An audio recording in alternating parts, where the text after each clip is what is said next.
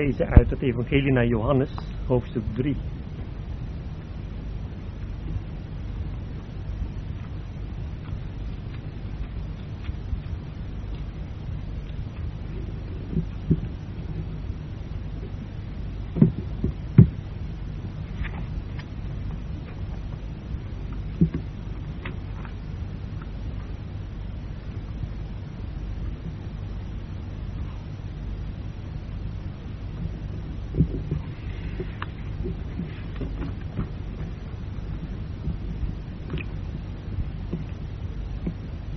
Was een mens uit de Fariseeën, zijn naam was Nicodemus, een overste van de Joden. Deze kwam s'nachts tot hem en zei tot hem, Rabbi, wij weten dat gij een leraar zijt van God gekomen, want niemand kan deze tekenen doen die gij doet als God niet met hem is. Jezus antwoordde en zei tot hem, Voorwaar, voorwaar, ik zeg u, tenzij iemand opnieuw geboren wordt, kan hij het koninkrijk Gods niet zien. Nicodemus zei tot hem, hoe kan een mens geboren worden als hij oud is? Kan hij voor de tweede maal in de moederschoot ingaan en geboren worden?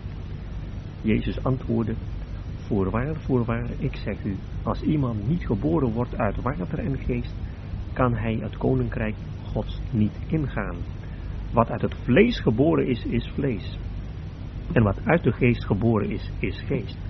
Verwonder u niet dat ik u gezegd heb, gij moet opnieuw geboren worden.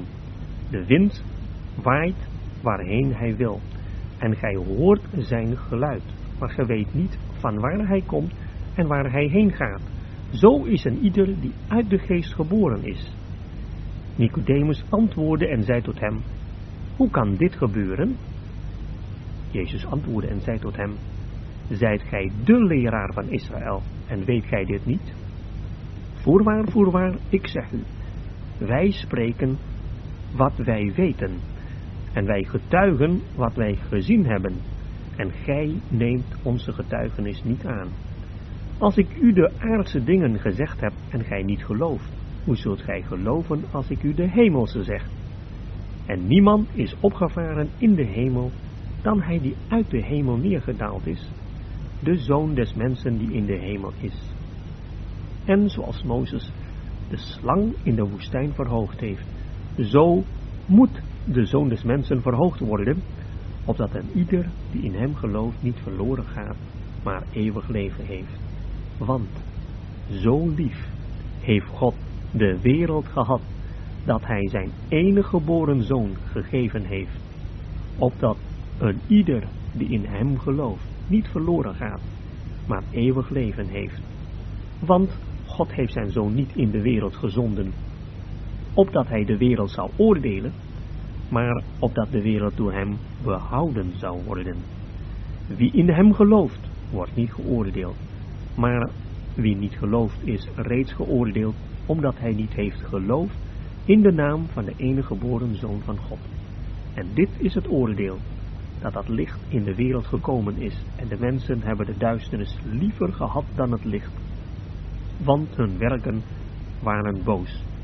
Want een ieder die kwaad doet, haat het licht, en komt niet tot het licht, opdat zijn werken niet bestraft worden. Maar wie de waarheid doet, komt tot het licht, opdat zijn werken openbaar worden, dat zij in God gedaan zijn. Daarna kwam Jezus met zijn discipelen in het land van Judea, en vertoefde daar met hen en doopte. En ook Johannes doopte in Enom bij Salim, omdat daar veel water was. En zij kwamen daar en lieten zich dopen, want Johannes was nog niet in de gevangenis geworpen.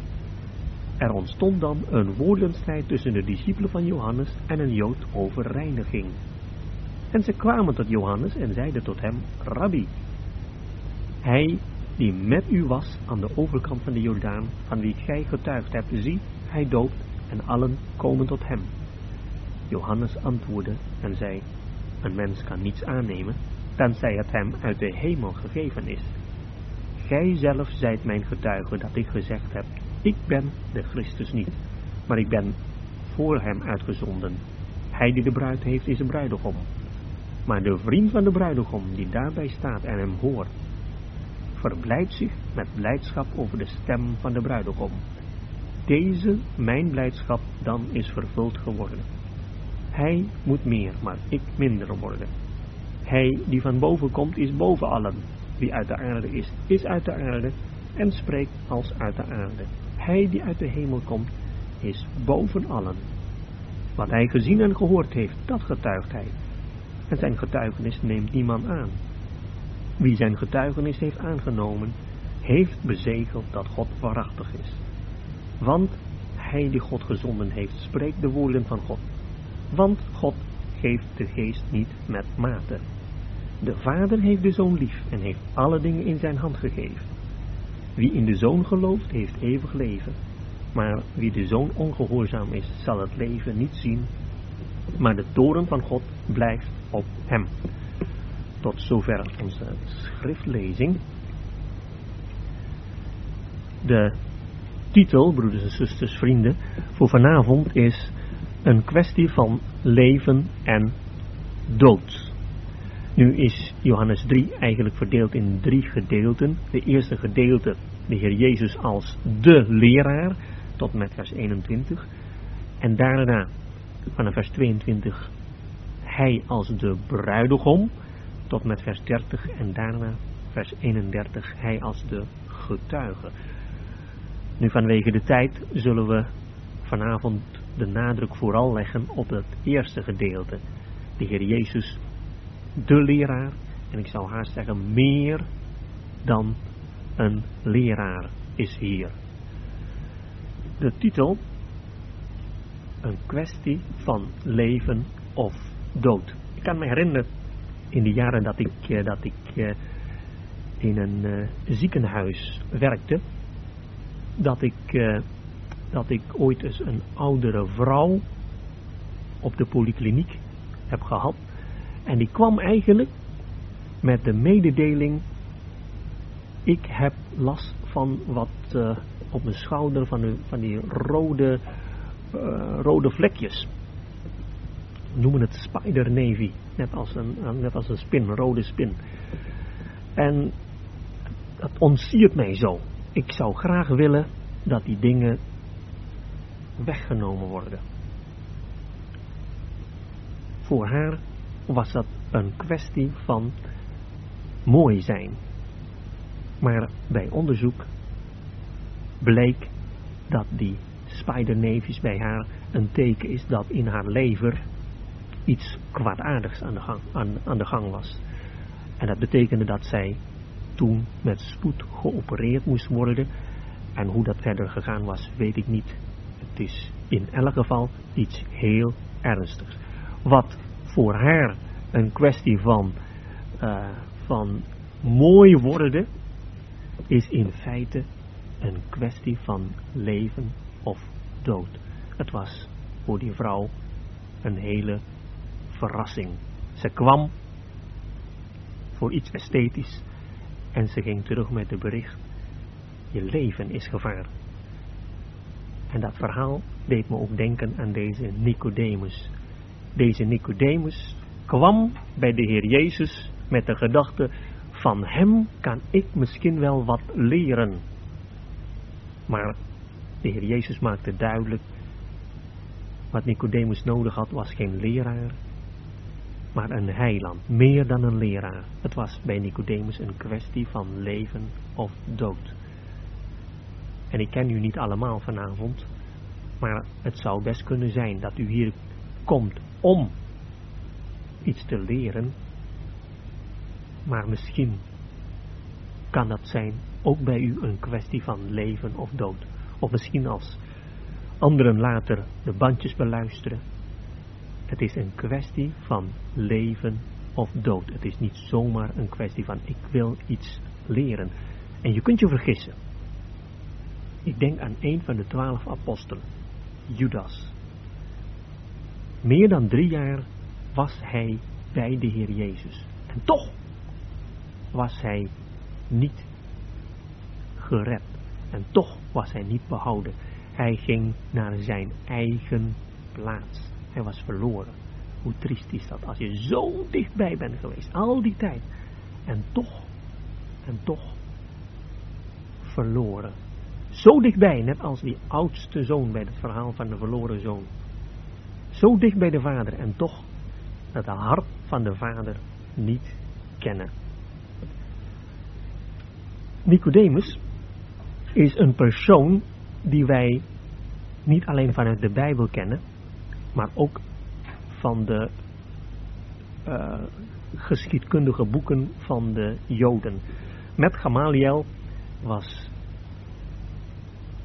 Nicodemus twee bekende persoon in de Talmud. Nicodemus, in het Hebreeuws is het Nakdimon, de zoon van Gurion. Hij was een van de rijkste mannen van Jeruzalem. Een van de drie rijkste mannen van Jeruzalem. Hij was iemand van de partij van de Fariseeën. Dat staat hier ook in Johannes 3. En vanuit de, vanuit de Talmud weten wij dat hij een was van een stroming binnen de Fariseeën, de Hillel-stroming. Een stroming die vooral de nadruk leggen op liefde, op goedheid. In tegenstelling tot een andere stroming die wat van, van Shammai die meer de nadruk legde op, op, op strikt nauwkeurig leven. En deze man, deze rijke fariseer, die heel oprecht was, die behoorde ook tot het Sanhedrin. Dat lezen we hier in vers 1. Nicodemus was een overste van de Joden. Dat betekent dat hij lid was van de Joodse raad. Een zeventigtal Joden, zeventigtal mensen onder leiding van de hoge priester. Een deel behoren tot de klasse van de fariseeën, een andere deel tot de Sadduceeën en een andere deel tot de schriftgeleerden. Deze drie groepen vormen tezamen het Sanhedrin, dat niet alleen uh, wat te zeggen had op het gebied van godsdienst, maar ook een belangrijke politieke macht had in die tijd. Met andere woorden, deze Nicodemus Ben Gurion was niet de eerste, de beste. En hij was ook bekend vanwege zijn goedheid. De geschiedenis vertelde dat er een tijd was van droogte in Jeruzalem. Jarenlang geen regen. En die, de mensen in Jeruzalem leden heel erg vanwege de droogte. En Nicodemus heeft vanwege zijn contacten met, uh, met uh, stadhouder, Romeinse stadhouder, heeft hij kunnen zorgen voor water. En later heeft hij dat water voor veel geld moeten betalen. Maar de geschiedenis vertelde dat deze Nicodemus ook toen gebeden heeft en toen kwam weer regen. In hoeverre deze verhalen waar zijn weten we natuurlijk niet. Maar dat geeft toch even enig idee hoe belangrijk deze Nicodemus was. Dat hij in de Talmud ook genoemd werd. En de Heer Jezus bevestigde het belang van deze, van deze persoon Nicodemus, doordat, Nico, doordat de Heer Jezus in vers 10 antwoordde en zei tot Nicodemus, zijt gij de leraar van Israël. Dan moeten we dat woordje de, dat lidwoord onderstrepen. Hij is niet zomaar een leraar, hij was de leraar. Te midden van alle godsdienstige leiders was hij de belangrijkste. Deze Nicodemus van de secte der fariseeën, en dan moeten we niet het woord fariseeën bekijken met onze, onze westerse bril van deze tijd. Als we denken aan een fariseer, denken we aan een huigelaar. Maar als we denken aan een fariseer in de Bijbel, dan moeten we denken aan de orthodoxe Joden. Zij die getrouw de Tenach, het Oude Testament, wilden vasthouden. Fariseeën waren in die tijd geëerde mensen. De Sadduceeën waren de liberalen, de vrijzinnigen. Maar de Fariseeën waren de orthodoxen. Die waren geëerd door het volk. En deze Nicodemus was niet alleen een fariseer, hij was een oprechte fariseer. Hij is geen huigelaar. En hij was een leider, hij is de leider van het volk Israël. En nu, als wij deze persoon Nicodemus lezen in het evangelie naar Johannes, dan zouden wij zeggen, hier hebben wij het beste van de mensheid. Te midden van de mensheid, dan kunnen we zeggen, heeft het volk Israël apart gezet voor zichzelf. Het was Gods volk. Johannes 1 vers 10, hij kwam, de Heer Jezus kwam tot het zijne. Dat is zijn volk. En te midden van dat volk, dat in verval was, heb je allerlei stromingen.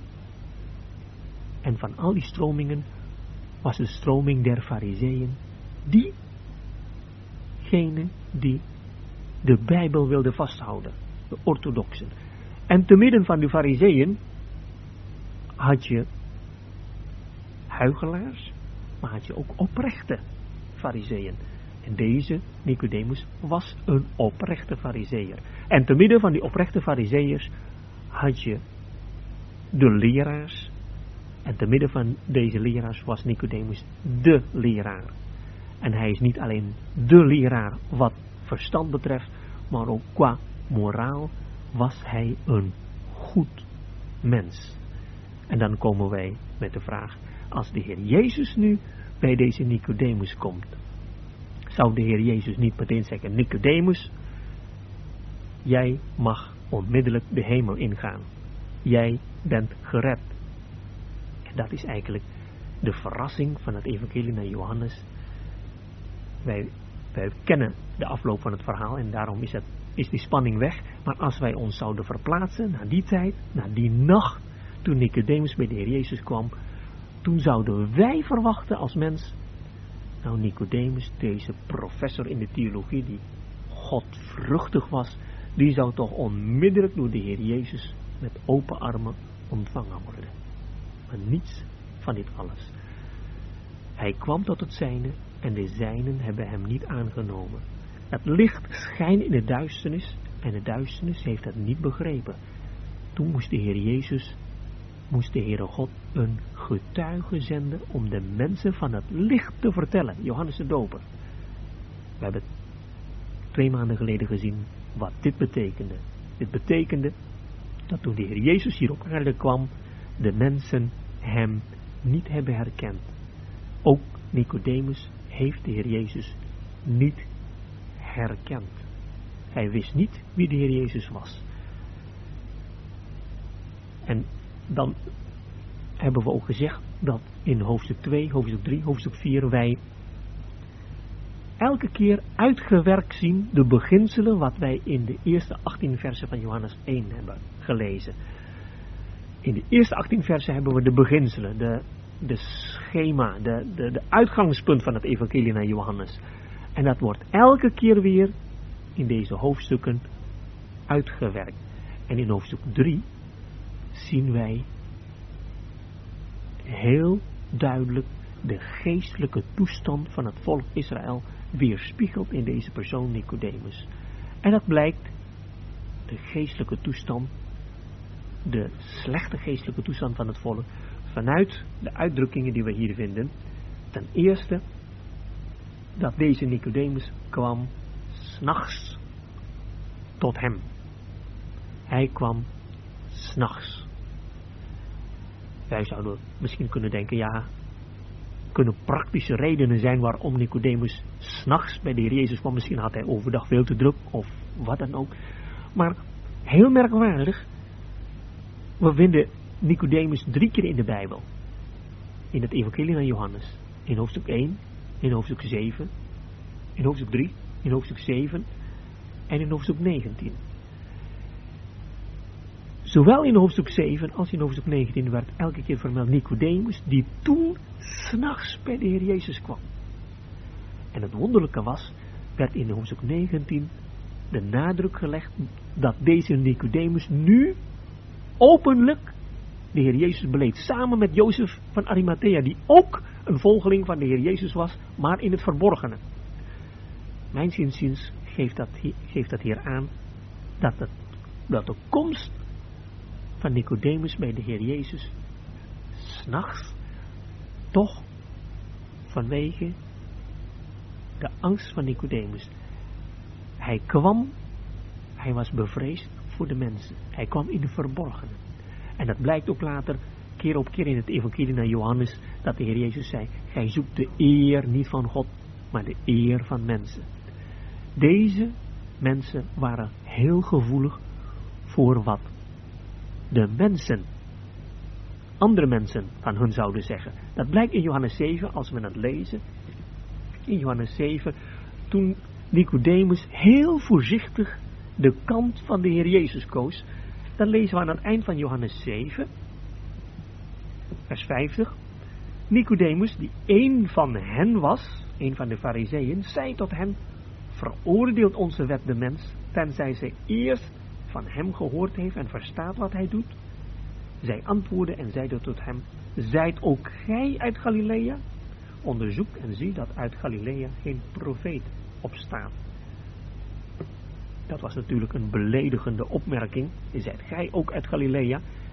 En ook een hele scherpe opmerking, omdat Nicodemus Ben Gurion inderdaad uit Galilea kwam. En daar zit toch een kleinerende opmerking van nou, wees jij nou maar stil. Nicodemus probeerde daar keuze te maken voor de Heer Jezus, maar keuze maken voor de Heer Jezus betekent beschimping van de kant van de mensen. Maar wat wonderlijk is, kunnen we zien in hoofdstuk 19, na, de, na het sterven van de Heer Jezus, toen kreeg Nicodemus wel moed om openlijk voor de Heer Jezus te getuigen.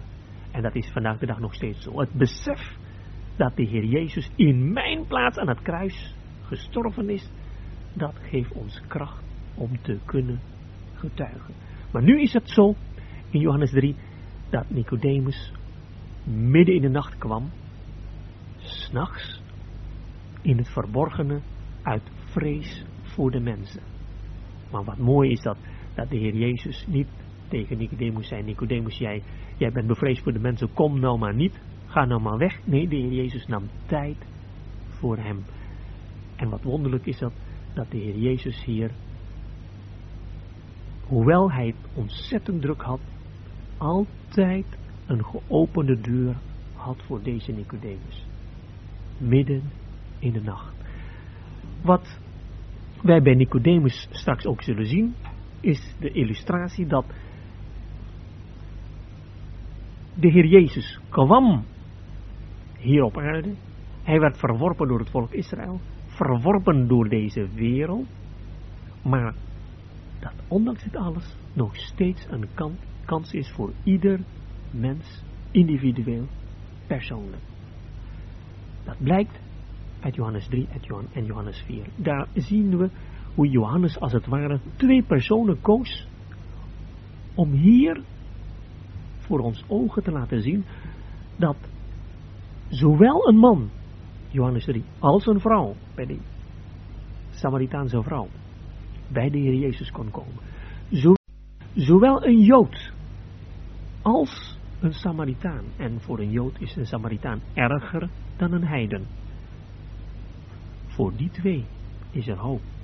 Zowel voor een mens die op de hoogste tree van de maatschappelijke ladder zit, een Nicodemus, tot deze Samaritaanse vrouw die op de laagste tree van de maatschappelijke ladder zat. Voor die twee is er hoop. En hetzelfde evangelieboodschap, namelijk bij de Heer Jezus komen om daar leven te ontvangen. Maar Nicodemus begrijpt van dit alles niets. Hij kwam in de opmerking, Rabbi, wij weten dat gij een leraar zijt van God gekomen. Er is een zekere mate van erkenning van de kant van Nicodemus. Want hij zegt hier, gij zijt een rabbi van God gekomen. Aan de ene kant heeft Nicodemus hier erkend dat de Heer Jezus een rabbi was. Niet een rabbi door opleiding, want rabbijnen moeten opgeleid worden om rabbi te worden. Maar hier is dat een rabbijn, een leraar van Gods wegen gekomen. God heeft hem tot een leraar gemaakt. En het tweede is dat deze leraar werkelijk van God kwam. Niet zomaar uit zijn eigen gedachten, uit zijn eigen kracht, uit zijn eigen beweging. Nee, het is een leraar van God gekomen. Zover kan een mens komen. Maar Johannes Evangelie maakt heel duidelijk dat wil je het eeuwig leven hebben, dan zul je moeten geloven dat Jezus de Christus is, de Zoon van God. Het is niet voldoende om te zeggen dat de Heer Jezus goddelijk is. Je zult moeten geloven dat de Heer Jezus God de Zoon is. Het is heel, heel merkwaardig dat we vandaag de dag in de Jodendom een stroming hebben die precies in de situatie van Nicodemus zitten. Je hebt leiders onder de godsdienstige Joden, als ik een naam noem zoals een Pinchas Lapide, een David Flusser, en mensen die onder de christenheid ook veel boeken hebben geschreven. Deze mensen die erkennen dat de Heer Jezus een leraar is van Gods wegen. Maar dat de Heer Jezus God de Zoon is, dat erkennen ze niet. Nog niet. Dat laat zien dat deze mensen nazaten zijn van Nicodemus. En in, in feite is dat ook zo. De orthodoxe Joden die vandaag de dag leven, die zijn allemaal afkomstig van de stroming der Fariseeën. De stroming der Sadduceeën is na 70 na Christus uitgeroeid. Daarna bleef de stroming der Fariseeën over. En in de tweede eeuw na Christus is de stroming van Hillel binnen de Fariseeën ook uitgestorven. Wat wij vandaag de dag aan orthodoxe Joden vinden, dat zijn nazaten van de Fariseeën van Hillel. En daarom neemt Gamaliel en Nicodemus ook bij hun een belangrijke plaats in. Heel wonderlijk. En onze bede is dat steeds meer Joodse mensen zullen zijn die net als Nicodemus een persoonlijke ontmoeting zullen hebben met de Heer Jezus. Ik heb uh, in Arnhem door genade een Joodse man bij de Heer Jezus mogen brengen. Die is nou al bij de Heer, die is al overleden. Was een van de van zijn familienaam was hij de laatste, als laatste overgebleven na de Tweede Wereldoorlog. De rest van de familie was uitgeroeid. Maar als we dan merken welk een moeite dat is voor zo'n Israëliet om de Heer Jezus aan, aan, te nemen, dan denk ik aan 2 Korinther 3, werkelijk een sluier ligt over hun aangezicht. Maar welk een genade is dat? Als zo'n man ook een ontmoeting mag hebben met de Heer Jezus. Tussen twee haakjes, helaas, wilde hij niet gedoopt worden, want hij zag dat als een verlogening van zijn volk. En voordat het zover was, heeft de Heer hem weggenomen door een hartaanval. Ik weet voor mezelf zeker dat ik hem terug zal, zal zien. Maar het is toch een bijzonder iets als je zo van dichtbij iemand van het oude volk van God ontmoeting hebben met de Heer Jezus. Deze Nicodemus die kwam en sprak wij weten. Hij sprak waarschijnlijk hier ook namens enkele anderen van de fariseeën. Wij weten dat gij een leraar zijt van God gekomen, want niemand kan deze tekenen doen die gij doet als God niet met hem is. Een erkenning van de hoogste gezag van het Jodendom. En het antwoord van de Heer Jezus is heel bijzonder. Voorwaar, voorwaar, ik zeg u, tenzij iemand opnieuw geboren wordt, kan hij het koninkrijk Gods niet zien. Op eerste gezicht een antwoord dat niets met die vraag te maken heeft, met de opmerking te maken heeft, maar dat heeft er alles mee te maken. Hier vinden we voor de tweede keer in het evangelie naar Johannes de uitdrukking voorwaar, voorwaar. In het Hebreeuws, amen, amen. Hele bijzondere uitdrukking. In de andere evangelieën vinden we enkelvoudig amen, maar alleen in de Johannes evangelie vinden we dat plechtige Amen, amen. Dat heeft een bijzonder betekenis. Wat voor betekenis heeft dat? In de Jodendom en ook in het christendom was men gewend om aan het eind van een toespraak of aan het eind van het gebed Amen te zeggen. En wat betekent dat? Iets beamen, Amen zeggen op iets, betekent dat je daar helemaal mee eens bent. Maar dat zeggen wij als we het gebed hebben beluisterd. En als we het ermee eens zijn, dan zeggen we hardop amen. Als je er helemaal niet mee eens bent, dan, eh, dan, dan zeg je geen amen. En dat geldt voor menselijke woorden. Maar als de Zoon van God spreekt, dan komt het amen niet aan het eind. Dan begint het met amen. Een tweevoudig amen. Tweevoudig getuigenis, waardoor het vaststaat dat dat zo is. Amen, amen. Met andere woorden, dat wat nu gezegd wordt, dat is waar. Dat is de waarheid. Voorwaar, voorwaar. De Heer zien wij de goddelijkheid van de Heer Jezus.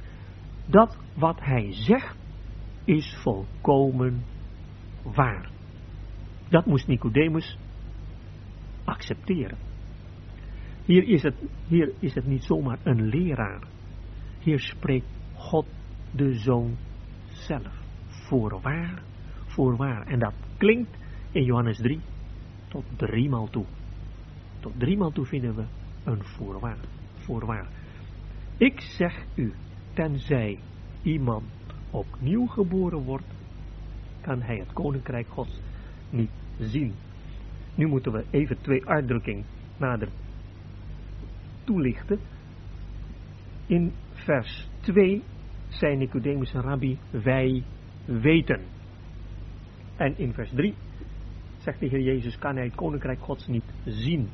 Nu is het woordje weten en zien in het oorspronkelijke haast hetzelfde, heeft dezelfde stam. In het Nederlands is het ook nog zo dat als je iets uitgelegd krijgt, dat je op een gegeven moment zegt, nou zie ik het, nou begrijp ik het, nou weet ik het. Zien in de betekenis van echt begrijpen en weten. En dat is wat we hier ook vinden. Nicodemus begon met de woorden, wij weten, wij zien dat u een leraar bent van Gods wegen. En dan zegt de Heer Jezus, maar Nicodemus, je vergis je. Jij denkt dat jij weet, jij denkt dat jij ziet, maar jij kunt niet weten of zien. En Koninkrijk van God, dat is voor een fariseer een heel belangrijk thema. Zij verwachten de komst van het Koninkrijk van God. Maar nu zegt de Heer Jezus, tenzij iemand opnieuw geboren wordt, kan hij het Koninkrijk Gods niet zien. Dat wat voor een fariseer het belangrijkste was, dat konden ze niet zien, dat konden ze niet weten, tenzij iemand wederom geboren wordt, opnieuw geboren wordt. Wat betekent dat? Het koninkrijk van God zien. Zij verwachten de toekomende koninkrijk. Maar de Heer Jezus heeft al verschillende keren gezegd over dat koninkrijk. Toen de fariseeën in Lucas 7 sprak over het koninkrijk, toen sprak de Heer Jezus, het koninkrijk van God is midden onder u.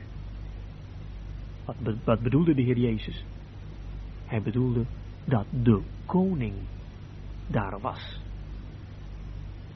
Bij de absolute koningschap is de koning gelijk aan het koninkrijk.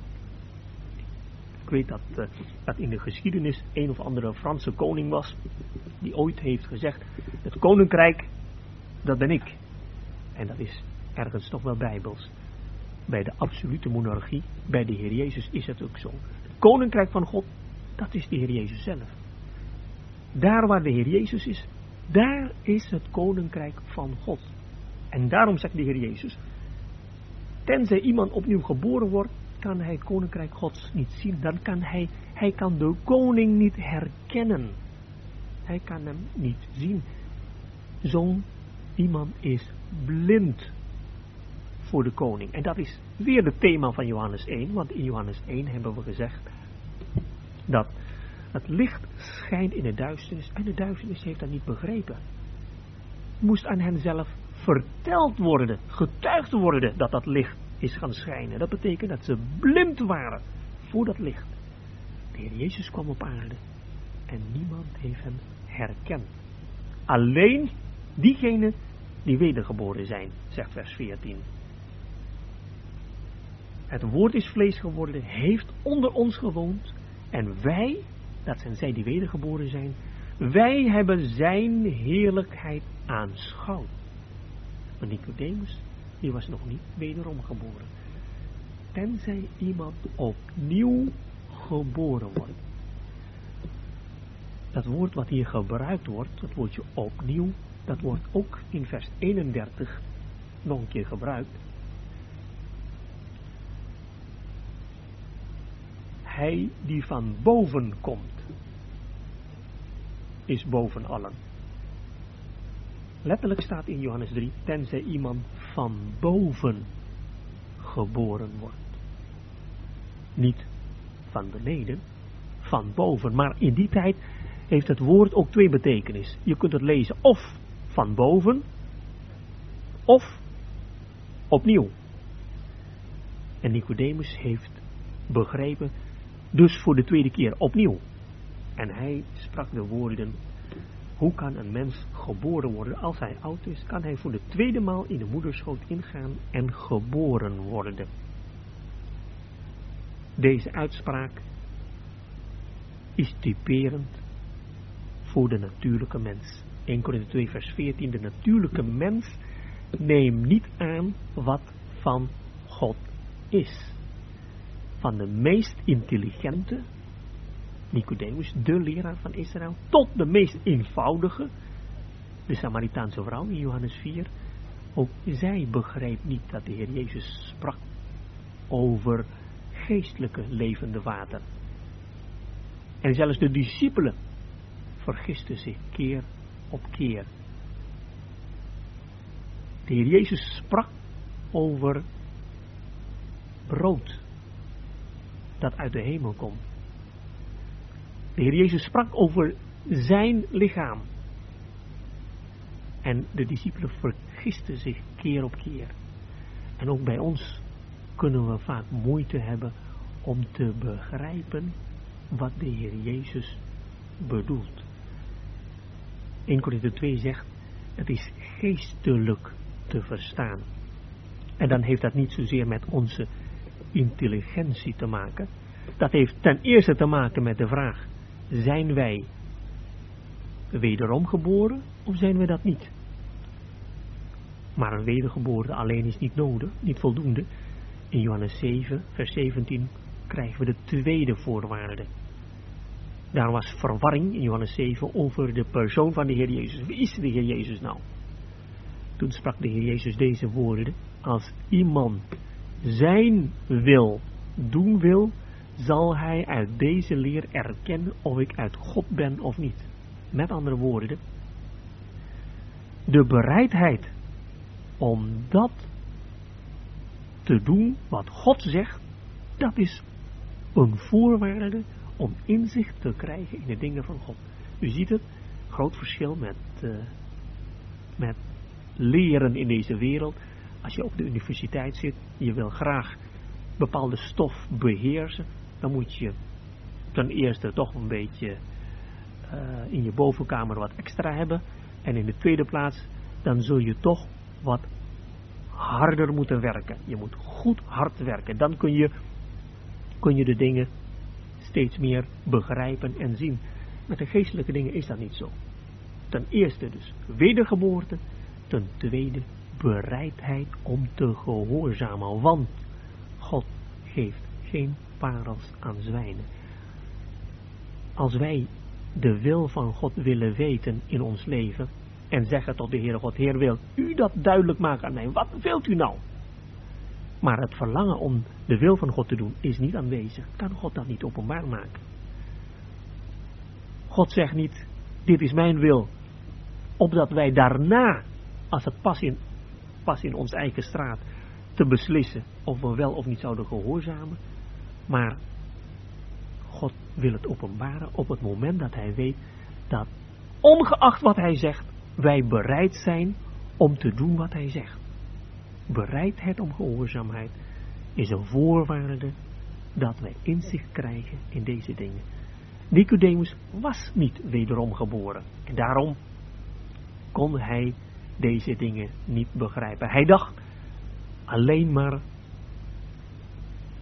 op het horizontale vlak, op het menselijk niveau. Hij dacht voor de tweede maal de moederschoot ingaan en geboren worden. En de Heer Jezus gaf antwoord. Opnieuw voorwaar, voorwaar, ik zeg u, als iemand niet geboren wordt uit water en geest, kan hij het koninkrijk Gods niet ingaan. Even nog dit. We kunnen van de Heer Jezus leren. In zijn gesprek met Nicodemus heeft de Heer Jezus tot zevenmaal toe woorden van Nicodemus aangehaald, overgenomen en met een rijkere inhoud gebruikt. Je kunt het zelf thuis zoeken, die zeven begrippen. Maar wat ik zeggen wil was, dit is een les voor ons als wij het evangelie willen doorgeven aan mensen.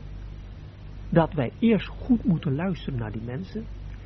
En dat wat leeft bij deze mensen, dat wij die gebruiken vanuit de Bijbel, Bijbelse inhoud aangeven en teruggeven aan deze mensen. Dat zien we ook in Johannes 4 bij de Samaritaanse vrouw. Het leven bij deze Samaritaanse vrouw draait om water. En waar sprak de Heer Jezus over? Over levend water. Toen was haar belangstelling gewekt. Nicodemus, een fariseer, zijn leven draaide om koninkrijk van God. En de Heer Jezus sprak over een voorwaarde, absolute voorwaarde om het koninkrijk van God te zien. Toen was belangstelling van Nicodemus meteen gewekt. Als u een bepaalde soort vis wil vangen, dan moet u precies weten wat dat vis graag wil hebben, wat voor aas u moet gebruiken. Ik heb daar totaal geen verstand van, maar ik weet wel dat je aas moet gebruiken die die vis lust. Wilt u met mensen spreken over het evangelie, dan zult u moeten weten wat de belangstelling van deze persoon is. En daarover spreken. En dan van daaruit over de geestelijke dingen spreken. Dat even terzijde. Maar nu gaf de Heer Jezus antwoord. Als iemand niet geboren wordt uit water en geest. De woorden van boven geboren worden. Wordt hier vervangen met de woorden geboren worden uit water en geest. Nu is het zo dat over deze uitdrukking geboren worden uit water en geest in de theologische wereld, nou, er zitten tientallen theorieën en gedachten. En dat heeft voor ons geen enkel nut om ze allemaal te bekijken. Variërend, en dan praat ik niet over, over uh, vrijzinnige christenen, maar dan praat ik over orthodoxe christenen, bijbelgetrouwe christenen. Daar vindt u uitleg variërend van. Geboren worden uit water, dat is vruchtwater. Met andere woorden, uh, ieder mens is geboren uit water. Tot een uitleg dat geboren worden uit water, dat is de doop. Maar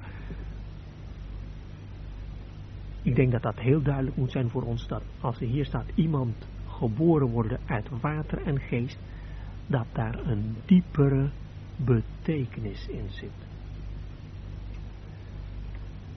De Heer Jezus sprak met Nicodemus. En als de Heer Jezus sprak met Nicodemus, dan sprak hij over iets wat Nicodemus kan begrijpen. Hij, hij sprak vanuit het Oude Testament. Later, met, uh, met de verhoging van de slang in de woestijn, blijkt heel duidelijk dat de Heer Jezus daar wees naar numeri 21, de verhaal van de koperen slang. Maar ook hier als de Heer Jezus sprak over geboren worden uit water en geest, sprak de Heer Jezus over iets wat in het Oude Testament bekend was. Met name uit Ezekiel 36 en 37. Geboren worden uit water en geest.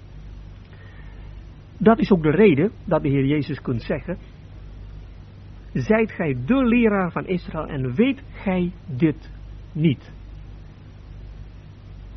Dit zijn dingen die de leraar van Israël had moeten weten uit het Oude Testament. Als de Heer Jezus had gesproken over de christelijke doop, had Nicodemus het niet kunnen begrijpen. Dat is niet mogelijk. Maar de Heer Jezus sprak over wedergeboorte uit water en geest. En dan is het goed als we met elkaar die enkele teksten uit Ezekiel 36 en 37 ook lezen.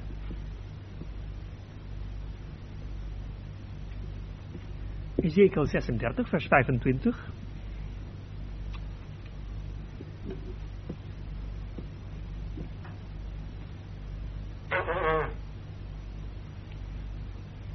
Ik zal rein water over u sprengen en ge zult rein worden. Van al uw onreinheden en van al uw afwoden zal ik u reinigen. Een nieuw hart zal ik u geven, een nieuwe geest in uw binnenste. Het hart van een steen zal ik uit uw lichaam verwijderen. Ik zal u een hart van vlees geven. En in hoofdstuk 37, dan lezen we vers 1. De hand des Heren kwam op mij en de Heere voerde mij in de geest naar buiten en zette mij neer in een dal dat was vol beenderen. Hij deed mij daar aan alle kanten omheen lopen en zie ze lagen in grote menigte door het dal verspreid en zie ze waren zeer dor. En hij zei tot mij, mensenkind, kunnen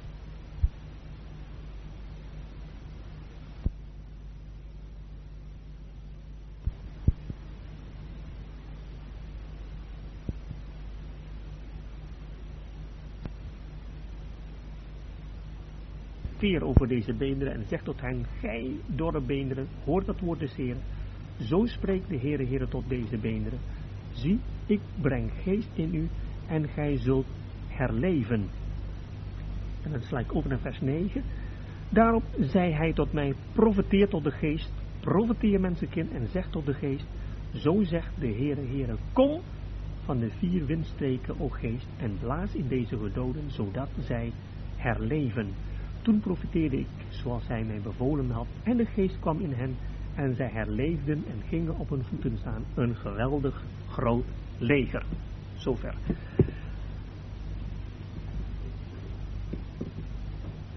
Nu moet ik even dit toevoegen, dat dat woord wind en het woord geest, zowel in het Grieks pneuma als in het Hebreeuws ruach hetzelfde zijn. Dus voor de vertaler is het elke keer kijken, wordt hiermee wind bedoeld of wordt er hier mee geest bedoeld. En soms zit het ergens in het midden, zoals daar in Ezekiel 37. Profiteer tot de geest, je kunt best zeggen, profiteer tot de wind en zeg tot de wind van de vier windsteken, blaas daarin. Wat ik duidelijk wil maken is dat uit Ezekiel 36 en 37 duidelijk is dat er sprake was daar van een geboren worden uit water en uit geest. En door die wedergeboorte dan ontvang je leven. Leven van God. En dan lezen we hier dat die wedergeboorte in verbinding staat met het ingaan van het koninkrijk Gods. Het zien van het koninkrijk Gods hebben we verbonden met het zien van de Heer Jezus. Maar ingaan in het koninkrijk van God betekent dus niet ingaan in de Heer Jezus, maar betekent ingaan in de toekomende koninkrijk. Dat was iets wat Nicodemus kon begrijpen. En wat de Heer Jezus hier zei was, ook voor het ingaan in het toekomende koninkrijk, wij noemen het in het Nieuwe Testament het duizendjarig vrederijk, is al voorwaarde dat je wedergeboren bent. En de wedergeboorte is niet een zaak van het, dat in het Nieuwe Testament pas bekend is, dat is al in het Oude Testament bekend. En de Heer Jezus zegt dan ook in vers 12, als ik u de aardse dingen gezegd heb en gij niet gelooft. Hier gaat het om aardse dingen. Wedergeboorte heeft te maken met aardse dingen, is een bekende zaak uit het Oude Testament, een voorwaarde om de toekomende koninkrijk in te gaan. Daarvoor heb je leven uit God nodig. En wat wij, wat wij vinden in de Bijbel is het wonderlijke dat leven en wedergeboorte te maken heeft met de drie enige God. U vindt in Jacobusbrief de Vader der lichten, uit wie wij geboren zijn. En dan weten we van God dat Hij, dat lezen we in Johannes 5, het leven in zich heeft. De Vader heeft het leven in zichzelf. En dan lezen we, we zijn uit de Vader der lichten geboren. En van de Heer Jezus heb je precies hetzelfde. Hij sprak keer op keer. Ik ben het leven. Ik ben opstanding in het leven. Ik ben de weg, de waarheid en het leven. Hij is het leven. En wie in Christus is, is een nieuwe schepping. In Christus, dan hebben we nieuw leven. Nieuw begin. Maar dat is ook van de Heilige Geest waar. Ik vind het in Romeinenbrief. De geest des levens. En dan lezen we hier wedergeboren uit de geest. Maar behalve verbonden met de drie enige God, is het leven en het wedergeboorte verbonden met het woord van God zelf, met de Bijbel. We vinden later in Johannes 5, gij hebt woorden van eeuwig leven. Het woord is verbonden met het leven. En dan lezen we keer op keer in de schrift, in 1 Petrus 1 vers 23, dat we wedergeboren zijn, niet uit onvergankelijke dingen, maar onvergankelijke zaad door het levende en blijvende woord van God. Wedergeboorte is door het woord van God. En het wonderlijke is, keer op keer is het woord van God verbonden met het water. Zowel in Johannes 13, Johannes 15, in Efeze 5, Petrusbrief, elke keer wedergeboorte staat in verbinding met het water, met het woord van God. Die drie zijn met elkaar verbonden. Als wij dus hier lezen, geboren worden uit water en geest, dan wil dat zeggen dat de geest het woord van God als instrument gebruikt om iemand tot nieuw leven te wekken. En dat water spreekt van het reinigende kracht en de geest spreekt van de levendmakende kracht.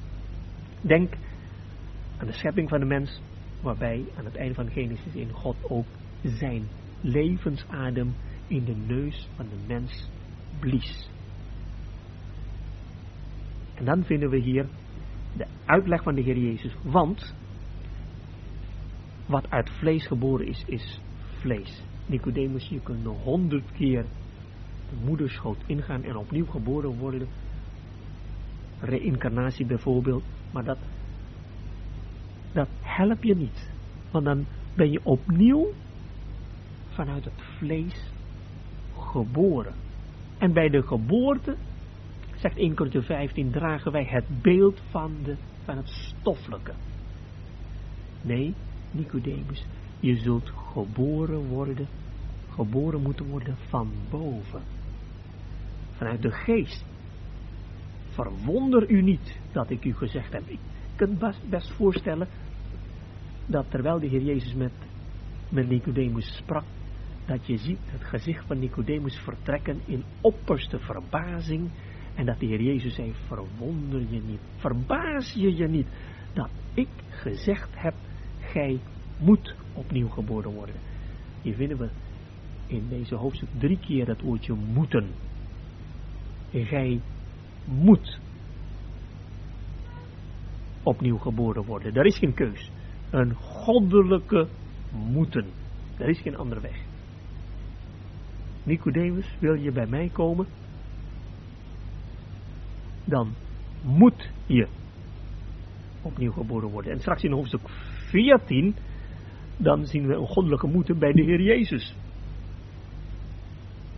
Zoals Mozes de slang in de woestijn verhoogd heeft, zo moet de zoon des mensen verhoogd worden. De Heer Jezus heeft die vraag gesteld, als het mogelijk is, laat deze drinkbeker aan mij voorbij gaan. Als er een andere weg is om de mens te redden vanuit hun zonden, om de mens nieuw leven te geven.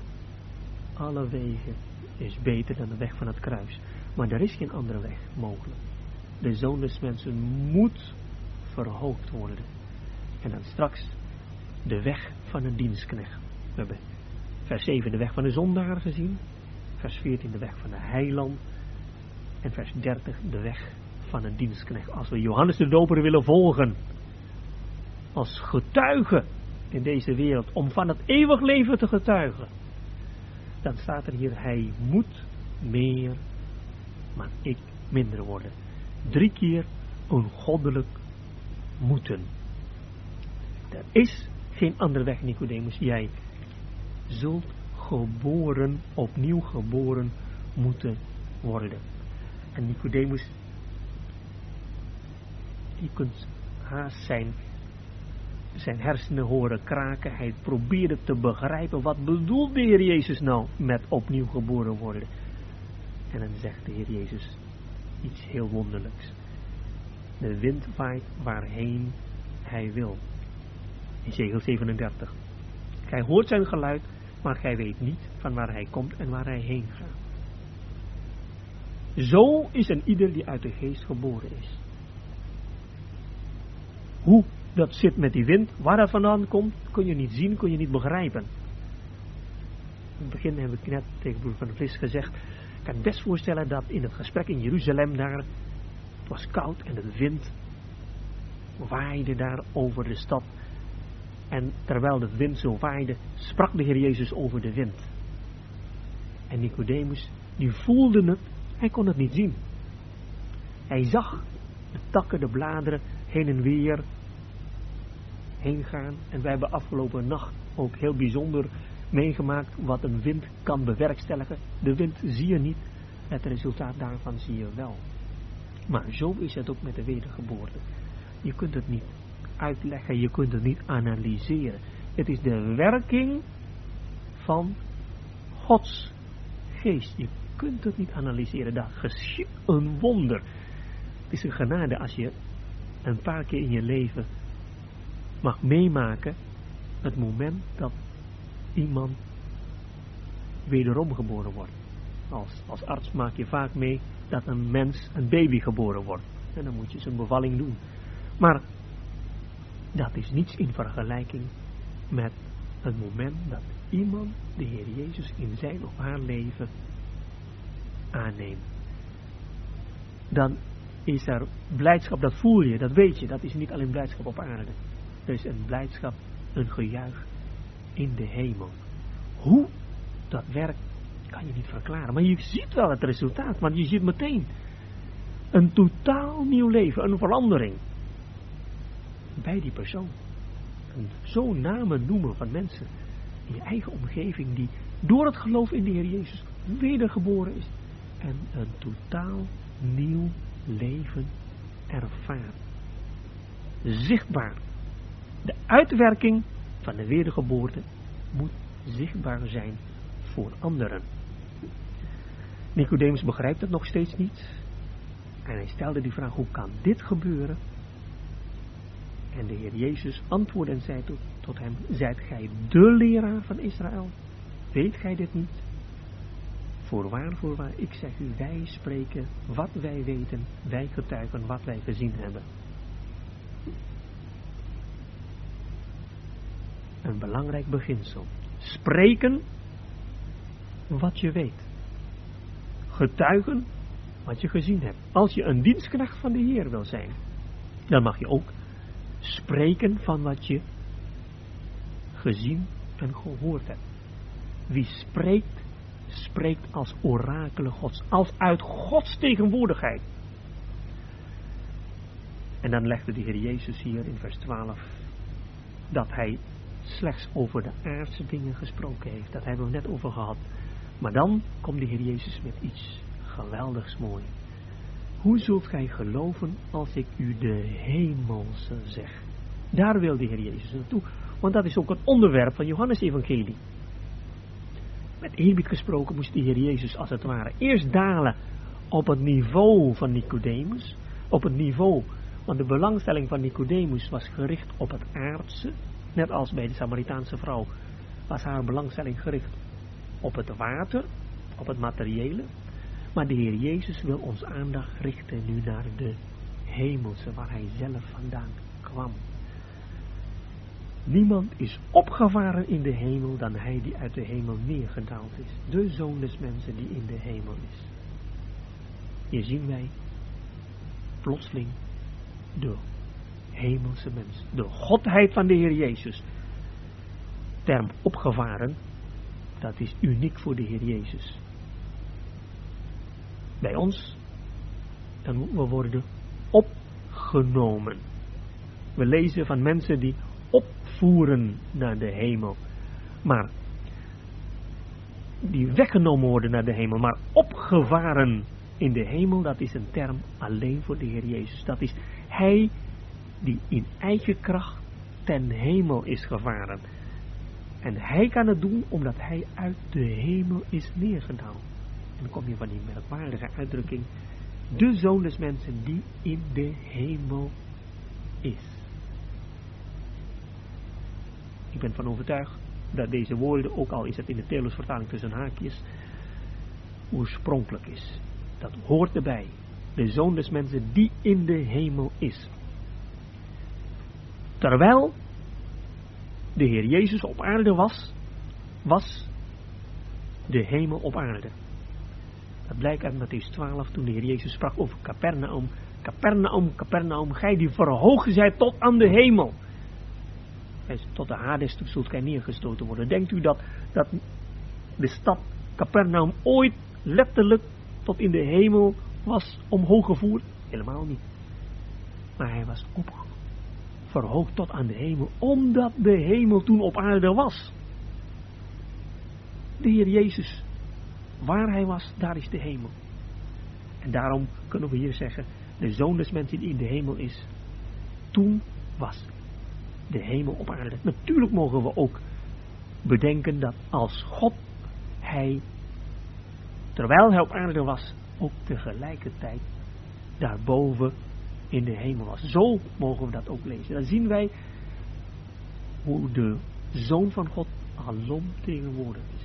In hoofdstuk 2 hadden we kunnen lezen dat God de Zoon alwetend was.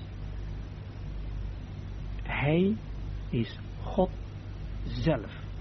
Dat mogen we hier zien. Aanbiddend knielen we hier voor zijn heerlijkheid. Zoals Mozes de slang in de woestijn verhoogd heeft, zegt de Heer Jezus, zo moet de Zoon des Mensen verhoogd worden. Ook dit is een beeld wat Nicodemus goed kan begrijpen vanuit het Oude Testament. De Joden die kennen de Bijbel zowat uit hoofd. Ik heb verschillende ontmoet die werkelijk het Oude Testament haast uit hoofd kennen. Een uh, kamergenoot van mij in de Verenigde Staten was een Jood en die vertelde mij, ik ken een rabbijn uit Jemen en die kent het Oude Testament, niet alleen van voren naar achter, maar van achter naar voren. Toen zei ik, nou wat heeft dat voor zin om, van achter naar voren te kennen? Ik zei, ja, om even om aan te geven hoe goed hij het Oude Testament kende. Ik kan best voorstellen dat ook Nicodemus het woord heel goed kende. Als, als de Heer Jezus hier sprak over de slang in de woestijn was meteen voor hem duidelijk waarover dat ging. Die koperslang verhoogd in de woestijn. Zo zal de zoon des mensen verhoogd worden. De slang. Dat spreekt van de Heer Jezus niet tijdens zijn omwandeling op aarde. Maar slechts tijdens de drie uren van duisternis. Toen hij, die de zonde niet gekend heeft, tot zonde werd gemaakt. We moeten niet denken dat de Heer Jezus tijdens zijn hele leven tot slang werd gemaakt. Slechts in de drie uren van duisternis. En hij was de koperen slang. Niet een gewone slang. Want hij is gezonden met een lichaam dat gelijkt op het zondig vlees, zegt Romeinen 8 vers 3. Zijn lichaam was niet zondig, maar gelijk op het zondig vlees. Hij was helemaal niet zondig. En dat koper in de Bijbel spreekt keer op keer van kracht dat oordeel kan weerstaan. Dus het vierde beest in Daniel 7 had koperen klauwen. De voorwerpen in de tabernakel, in de voorhof, waren van koper. Koperen altaar. De Heer Jezus in je openbaring 1 kwam en zijn voeten waren als blinkend koper, als waren het gloeide in een oven. Dat koper spreekt van goddelijke kracht dat in staat is om het oordeel te weerstaan. Toen hij, de Heer Jezus, daar aan het kruis hing, toen hij tot zonde werd gemaakt, toen heeft hij al Gods oordeel op zich genomen en hij is niet verteerd door dat oordeel. Hij is van koper. Koperen slang spreekt van kracht dat in hem was. Dat goddelijke, waardoor hij niet verteerd was. Maar ook en ieder die naar hem kijkt, zal leven, zegt de, zegt de Heere God tegen Mozes in nummer 21. En dat is wat de Heer Jezus nu gezegd heeft tegen Nicodemus. Nicodemus, jij bent gekomen voor iets cosmetisch. Je bent gekomen om van mij iets te leren. Zoals die vrouw daar in het ziekenhuis in Brunsum kwam om iets cosmetisch te laten doen. Een vlekje op de schouder. Nee, zegt de Heer Jezus. Je moet niet komen als een leerling bij een leraar. Vandaag de dag willen heel mensen, heel veel mensen van de Heer Jezus iets leren. Nee, je zult moeten komen net als de Israëlieten destijds bij die koperen slang. Zij komen bij de koperen slang alleen maar als ze wanhopig zijn. Eigen pogingen lukken niet meer. Alles in de tent achterlaten. Naar die koperen slang kijken als laatste, enige redmiddel. Nicodemus, wil je bij mij komen, moet je niet bij een leraar wezen. Zie, meer dan een leraar is Heer. Het is niet een kwestie van iets leren van mij. Het is een kwestie van leven of dood. Als je niet naar die koperen slang kijkt, dan zul je verloren gaan. Als je niet naar het kruis van Golgotha komt en hem in het geloof zien, dan blijf je verloren. En dan komt die geweldige tekst. Samenvatting van de Bijbel heeft iemand wel eens gezegd in vers 16. Zo lief heeft God de wereld gehad, dat hij zijn enige geboren zoon gegeven heeft, opdat een ieder die in hem gelooft niet verloren gaat, maar eeuwig leven heeft. Liefde blijkt uit het geven. De mate van liefde is de mate van het geven. En God heeft het liefste wat hij bezat gegeven om ons aan te geven de oneindig grote liefde die hij had jegens u en ik, jegens de mensen. Dat is geopenbaard daarbij de verhoging van de Zoon des Mensen aan het kruis.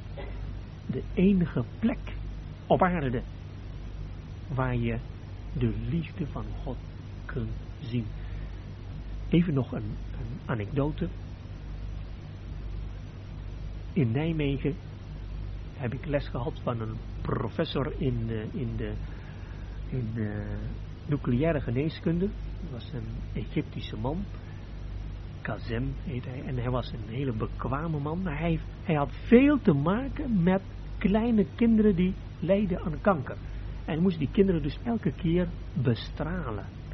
En hij was een hele lieve, bewogen man. Hij had heel veel moeite om de liefde van God te erkennen. Hij zegt, na mijn ervaring met deze kinderen, kan ik toch niet zeggen dat God liefde is. Als God liefde is, waarom moeten al die kinderen, die honderden kinderen, zo zinloos lijden? Dat was zijn vraag. Hij heeft heel veel gedichtjes gemaakt over het lijden. Mensen die, die de concentratiekampen hebben bekeken, die twijfelden allemaal over de liefde van God. Mensen die in hun eigen leven diepe lijden hebben meegemaakt, die, die twijfelen aan de liefde van God. Het antwoord vinden we hier bij Johannes 3, vers 16. De liefde van God vindt u niet in uw eigen leven. Wilt u de liefde van God zien, dan zult u naar het kruis van Golgotha moeten gaan. Daar is één plek waar een straal van hemels licht op aarde kwam, waar u Gods liefde kunt zien. De rest van de wereld is duister. Daar ziet u Gods liefde niet. Of het zou moeten zijn dat dat, een liefde, dat dat liefde is dat weerkaatst wordt door christenen in zwakheid. Maar het heldere, goddelijk licht over zijn liefde vinden we slechts op Golgotha. Zo lief heeft God de wereld gehad dat hij zijn enige geboren zoon gegeven heeft. En hij heeft die zoon gegeven opdat een ieder, net als in Johannes 1 vers 12, ieder die hem aangenomen heeft, ieder die in hem gelooft, niet verloren gaat, maar eeuwig leven heeft. Hier wordt heel in het kort, heel in het klein, dat hemelse genoemd. Want dat wedergeboorte is een zaak vanuit het Oude Testament. Maar dat eeuwig leven, dat is het goddelijk leven, waardoor iemand die eeuwig leven heeft, God als vader mag noemen. En dat eeuwig leven kan een gelovige pas bezitten nadat de Heer Jezus aan het kruis gestorven is. U vindt het in Johannes 6, wie mijn vlees eet en mijn bloed drinkt, die heeft het eeuwig leven in zich. Met andere woorden, gelovigen in het Oude Testament, die kunnen, die zijn wedergeboren. Maar het wedergeboorte in het Nieuwe Testament staat in verbinding met het eeuwige leven. Het eeuwige leven, dat is het kennen van God de Vader en God de Zoon. De Zoon van God, Hij is het eeuwig leven. In Johannes brief wordt uiteengezet de zekerheid van het bezit van het eeuwig leven. En willen we die zekerheid kennen, dan zullen we dat eeuwig leven moeten leren kennen. En willen we dat eeuwig leven leren kennen, dan worden we vanuit de brief van Johannes weer terugverwezen naar wat, dat wat van het begin af is. Johannes Evangelie. Hier in Johannes Evangelie, in het leven van de Heer Jezus, mogen wij het eeuwig leven aanschouwen. En in de geschiedenis van Nicodemus hebben we het eeuwig leven gezien. Hoe dat eeuwig leven onderwijs gaf aan Nicodemus. Hoe Nicodemus dat eeuwig leven mag hebben. Door uiteindelijk de Heer Jezus aan te nemen als heiland, als Christus, als Zoon van God. Aan het eind van Johannes 20 schreef Johannes zijn vele tekenen die de Heer Jezus heeft gedaan. Maar deze tekenen zijn gekozen, zijn geschreven, opdat gij weet dat Jezus de Christus is, de Zoon van God, opdat gij gelovende het eeuwig leven hebt in zijn naam. Welk een groot voorrecht is dat om het eeuwig leven te hebben. Wie de zoon heeft, heeft het leven. Woorden schieten tekort om die liefde van die grote God te bedanken, die ons zijn enig veel geliefde zoon gegeven heeft, waardoor wij nu kinderen van God genoemd worden.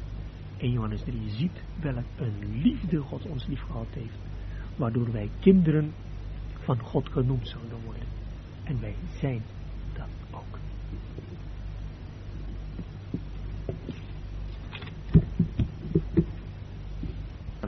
Eerste vraag. Als het tijd is, toch graag de zeven keer dat de Heer Jezus Nicodemus overneemt. En een rijker antwoord. Het was bedoeld als huiswerk, maar. Maar goed. Um, kunnen we toch.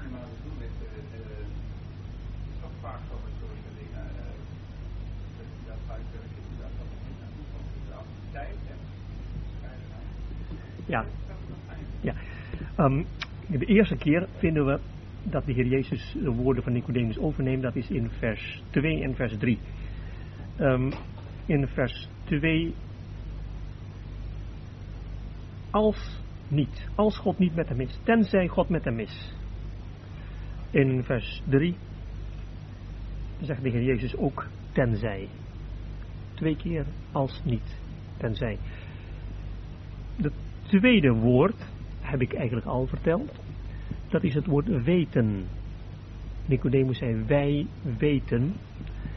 En de Heer Jezus zei kan hij het koninkrijk gods niet zien. Ik denk inderdaad dat dat niet helemaal eerlijk is, omdat, omdat het in Nederlands dezelfde Griekse woorden vaak in verschillende Nederlandse woorden worden vertaald. Je kunt niet altijd, niet altijd duidelijk zien. De derde keer, in vers 2, zei Nicodemus, wij weten dat gij een leraar zijt. In vers 10 sprak de Heer Jezus, gij zijt de leraar Israël. Het woord leraar wordt door de Heer Jezus opnieuw gebruikt. Um, in vers 4 lezen we, hoe kan een mens geboren worden als hij oud is? En in vers 5 opnieuw als iemand of een mens niet geboren wordt uit water. Dus dan opnieuw een herhaling. In vijfde vinden we in vers 4, kan hij de moederschoot ingaan? Kan ingaan. En dan zegt de Heer Jezus in vers 5, kan het koninkrijk gods ingaan. De vijfde keer. De zesde keer in vers 9. Hoe kan dit gebeuren? Het woordje hoe. In vers 12 zegt de Heer Jezus, hoe zult gij geloven als ik u de hemelse zeg? Het laatste zei Nicodemus in vers 9, hoe kan dit gebeuren?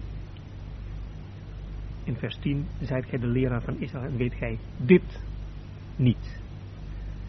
Zevenmaal en je, zult die, die, kunt die woordjes ook nog daarna uitwerken, maar ik heb eventjes de, de, de trefwoorden eruit gehaald en dan kun je de de begrippen die daarachter staan dan ook uitwerken. Um, tweede vraag, Johannes 3, water en geest. Johannes 19, water en bloed. Overeenkomstverschil. En het woord water werd onderstreept. Als we nou Johannes 19 lezen, vers 34. Maar één van de soldaten doorstak zijn zijde met een speer en terstond kwam er bloed en water uit.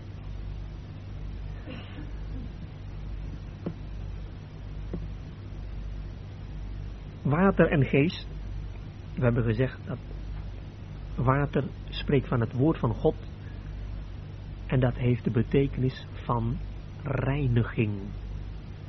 Bij de wedergeboorte ontvangen we een rein hart. En dat bewerkt de Heilige Geest. Bij water en bloed, dan vinden we ook in Johannes, in Johannesbrief, dat bloed is de zijde van God. Dat vind je in het boek Exodus, hoofdstuk 12. Als ik het bloed zie, dan ga ik voorbij. De Heer Jezus heeft zijn eigen bloed in het binnenst heiligdom gebracht. God beoordeelt de waarde van het bloed. Dat bloed wordt in de nacht van het paasgaan niet aan de binnenkant van de deurposten bestreken, maar aan de buitenkant. De bedoeling is niet dat de, dat de Israëlieten die zouden zien, maar dat de engel van het verderf die zouden zien. God ziet het bloed en God beoordeelt de waarde van het bloed. Het bloed is voor God. Het water is voor ons. Het water spreekt ook in Johannes 19 van de reiniging naar onze kant. Het werk van de Heer Jezus is voldoende naar Gods zijde. Zonder bloedstorting is er geen vergeving. Als naar de zijde van de mens. Het water spreekt van de reinigende kracht van het, van het werk van de Heer Jezus. In die zin natuurlijk zit een overeenkomst tussen water in Johannes 3 en water in Johannes 19. Spreekt allebei van de reiniging. Maar misschien mag dat dan ook meteen duidelijk zijn. In Johannes 19 staat het water in verbinding met het bloed. Namelijk in verbinding met het werk van de Heer Jezus. En dan mag ik ook nog dit zeggen, dat bloed in Johannes, Johannes 19 is eenmalig voor God. En het water, dat wordt keer op keer toegepast in ons leven. Het bloed hoeft niet elke keer toegepast worden in ons leven. Maar we moeten wel elke keer weer gereinigd worden. En het water spreekt dan van een reinigende kracht van het werk van de Heer Jezus. En dat wijst elke keer terug naar de eenmaal volbrachte werk van de Heer Jezus. Bij Johannes 3, geboren worden uit water, dan is dat een eenmalige werking van het water. En dat heeft, dat heeft te maken met wedergeboorte. Dat gebeurt eens voor altijd. En dat heeft niet, met, uh, niet direct met het water van Johannes 19, maar het is beeldspraak wat we vinden in de schrift. Als we in Ezekiel 36 spreekt over rijnwater, dan is het ook beeldspraak. Doet ons denken ook aan numeri over de, de reinigende werking van het as van de, van de rode koe. Dus daar, ook daar zien wij de beeldspraak van water met zijn reinigende kracht. Derde vraag, vers 36 van Johannes 3. Is het christendom de enige ware godsdienst? Daar staat in vers 36, wie in de zoon gelooft, heeft eeuwig leven. Maar wie de zoon ongehoorzaam is, zal het leven niet zien, maar de toren van God blijft op hem.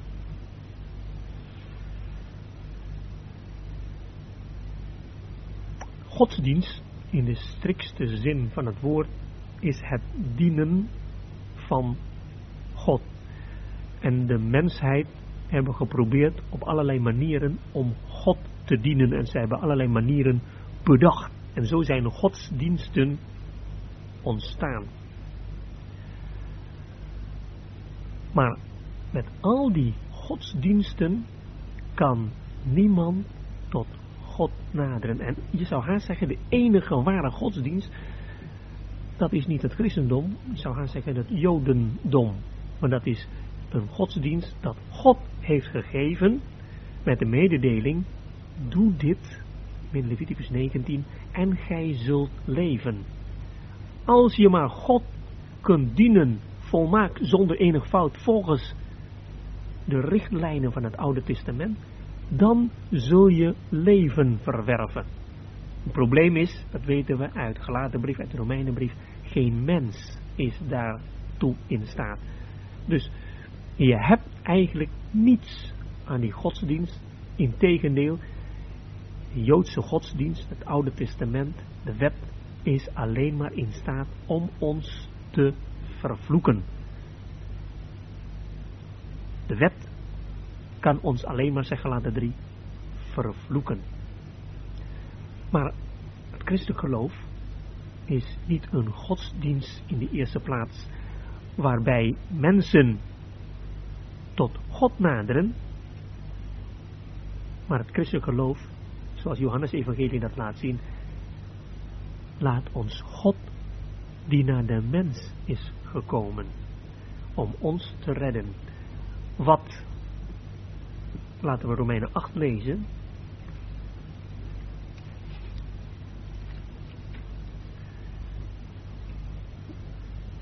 Romeinen 8, vers 3.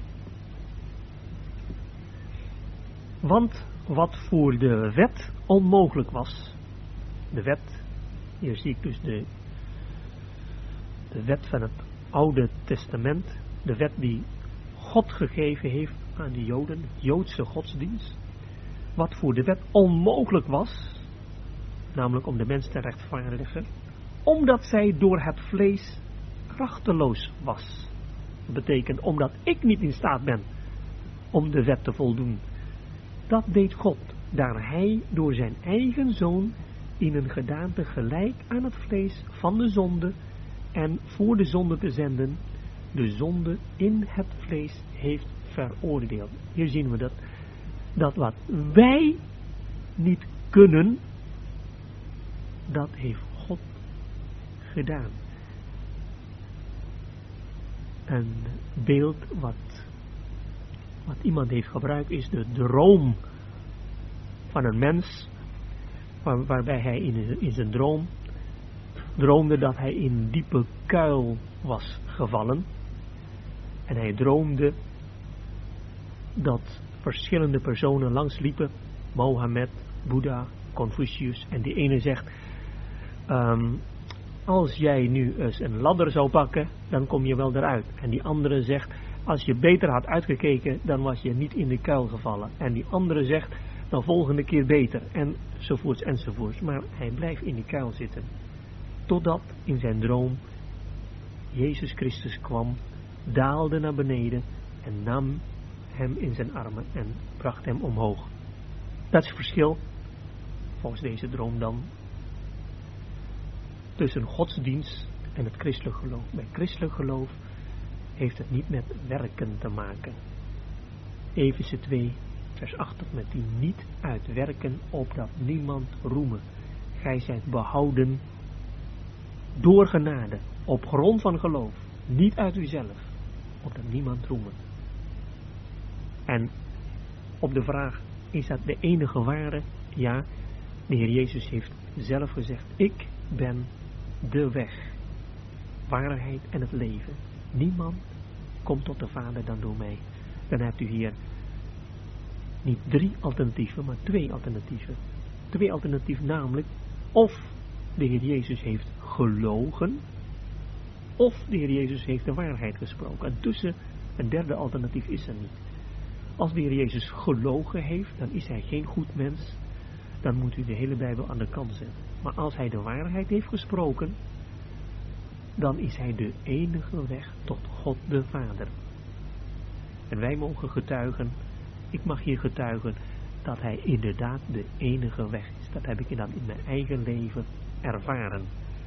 En voor ieder die deze woorden hoort, die mag de keuze maken of deze woorden zijn in het geheel niet waar, of deze woorden zijn in het geheel waar.